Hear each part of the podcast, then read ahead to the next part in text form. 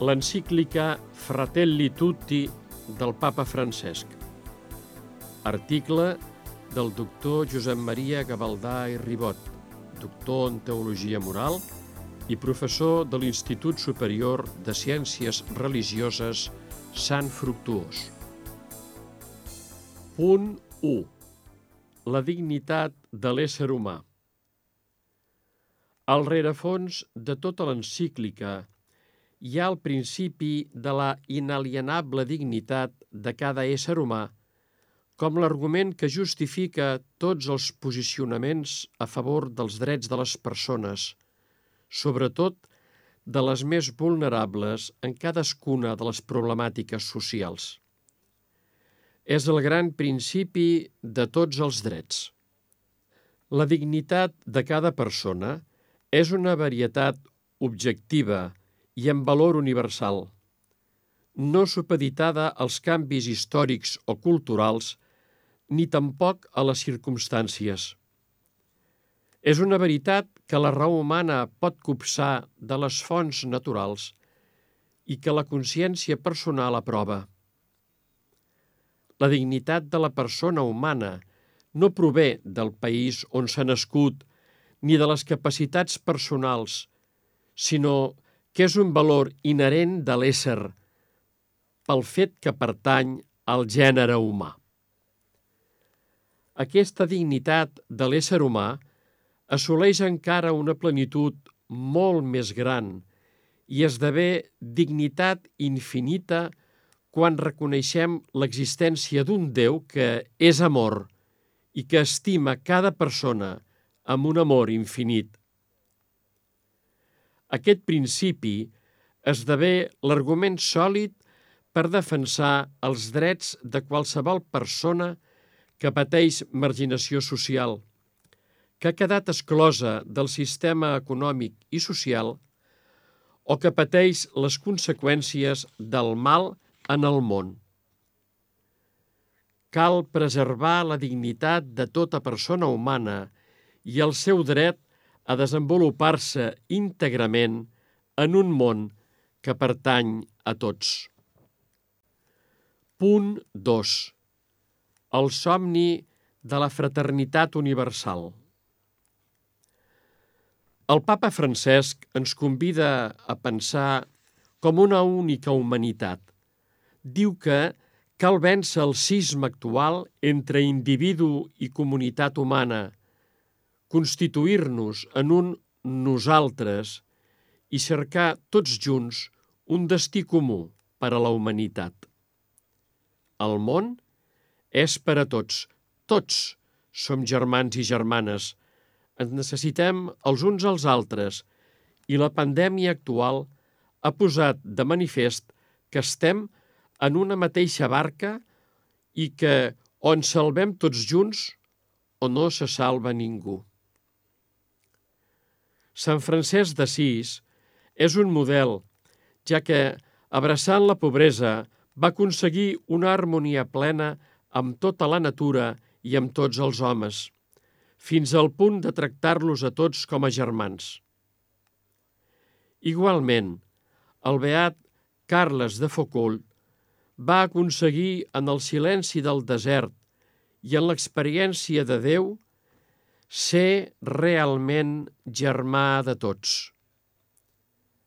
Ens cal retrobar el gust per la fraternitat, promoure el bé i fer reneixer una nova humanitat amb tots els rostres.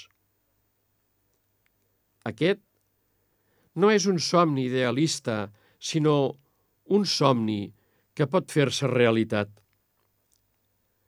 L'encíclica no es queda només amb orientacions doctrinals de caire social, sinó que fa propostes concretes per tal d'avançar en la construcció d'una humanitat més fraterna. Punt 3. Estem tornant enrere. El cor del papa és gran i es preocupa de tots els homes i dones que pateixen qualsevol mena d'injustícia, de pobresa, d'exclusió. Sembla que l'encíclica no vol oblidar ningú i tard o d'hora els seus noms apareixen en el text. Parla de conflictes que semblaven superats, però que tornen a aparèixer de nou, i de problemes socials greus que denoten el debilitament de l'ètica i la pèrdua del sentit social i de la responsabilitat fraterna. Els nacionalismes exacerbats i violents. El racisme. L'esclavitud. La fam. L'aixecament de murs. La xenofòbia. El comerç d'òrgans. L'explotació sexual d'infants i la prostitució. Les matances ètniques, l'exclusió dels discapacitats, el tràfic de drogues i d'armes, el terrorisme i els crims internacionals organitzats, el problema del sense sostre, els traficants sense escrúpols, els fanatismes, la desigualtat en la dignitat i els drets de les dones.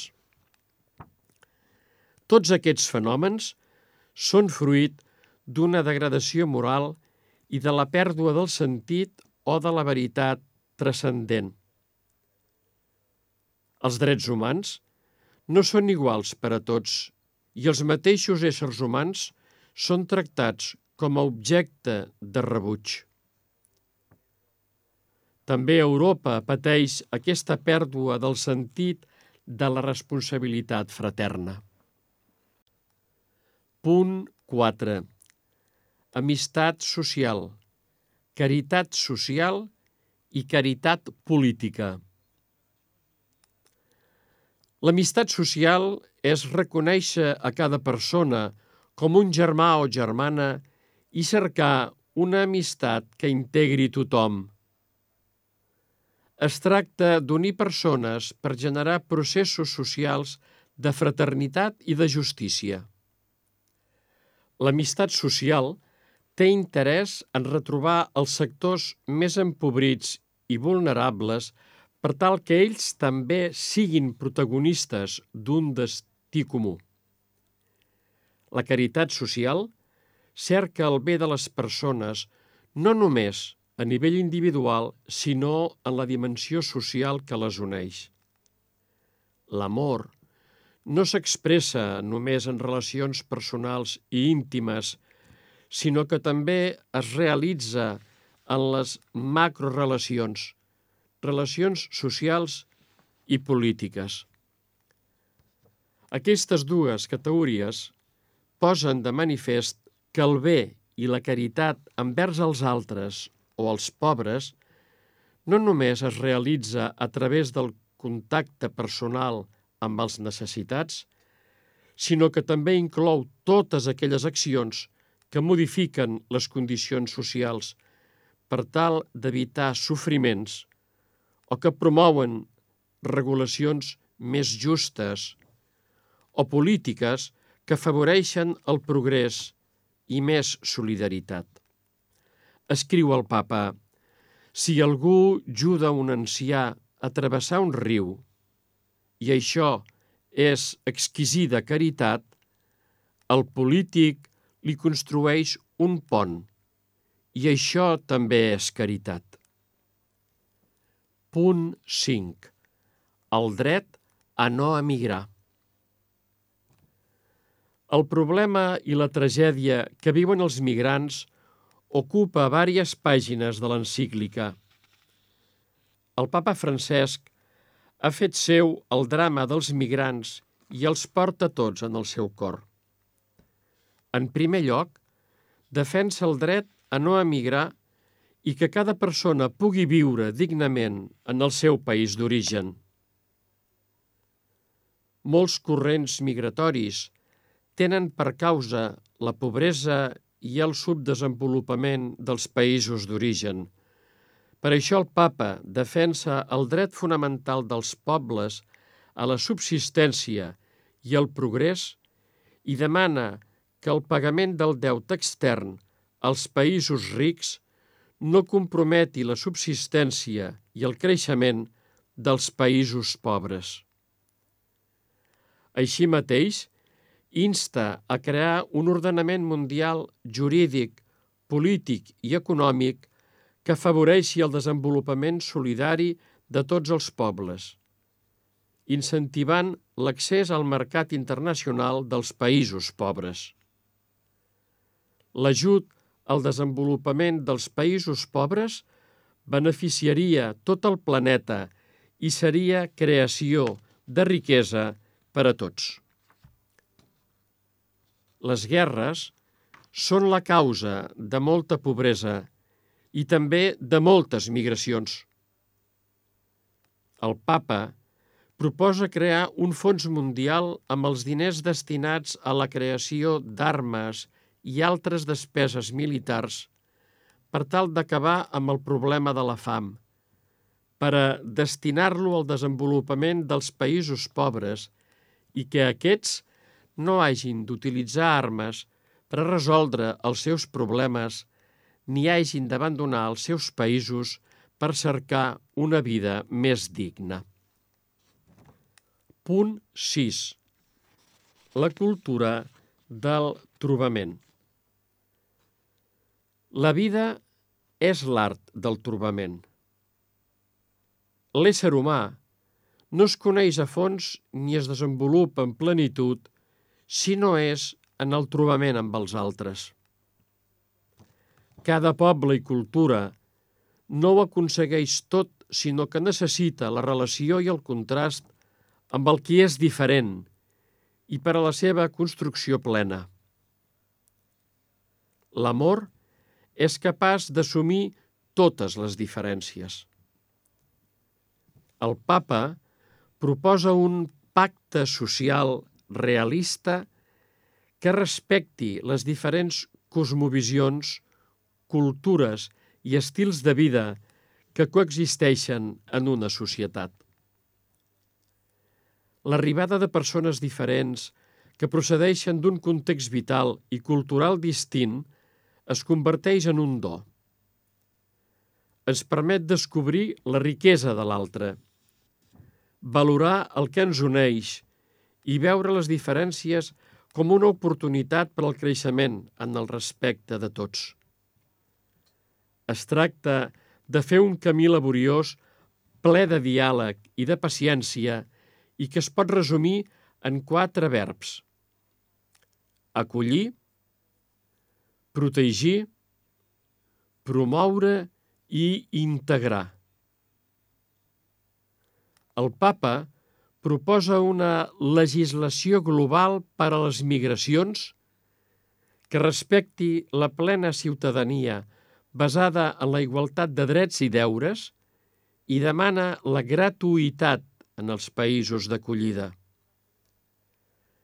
Aquesta opció tan clara i rotunda a favor d'acollir els migrants prové de la dignitat inalienable de tota persona humana, del fet que tots som germans, que el món és de tots i, conseqüentment, el país de destí és corresponsable del seu desenvolupament integral.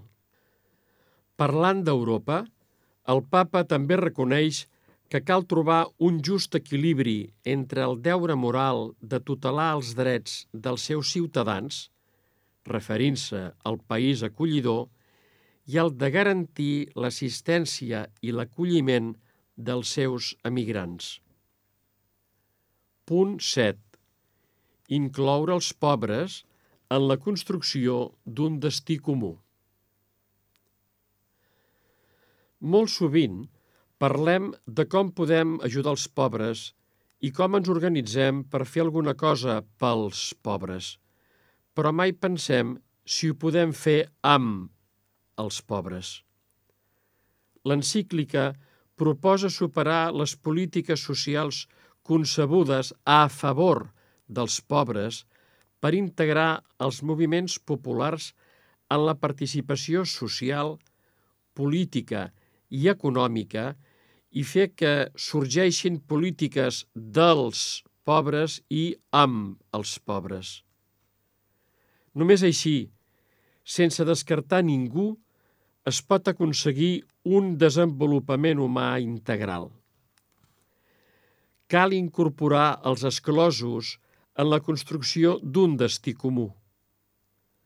Prescindir dels pobres va en detriment de la mateixa democràcia, ja que aquesta perd representativitat quan en una societat hi ha col·lectius exclosos de les seves decisions polítiques.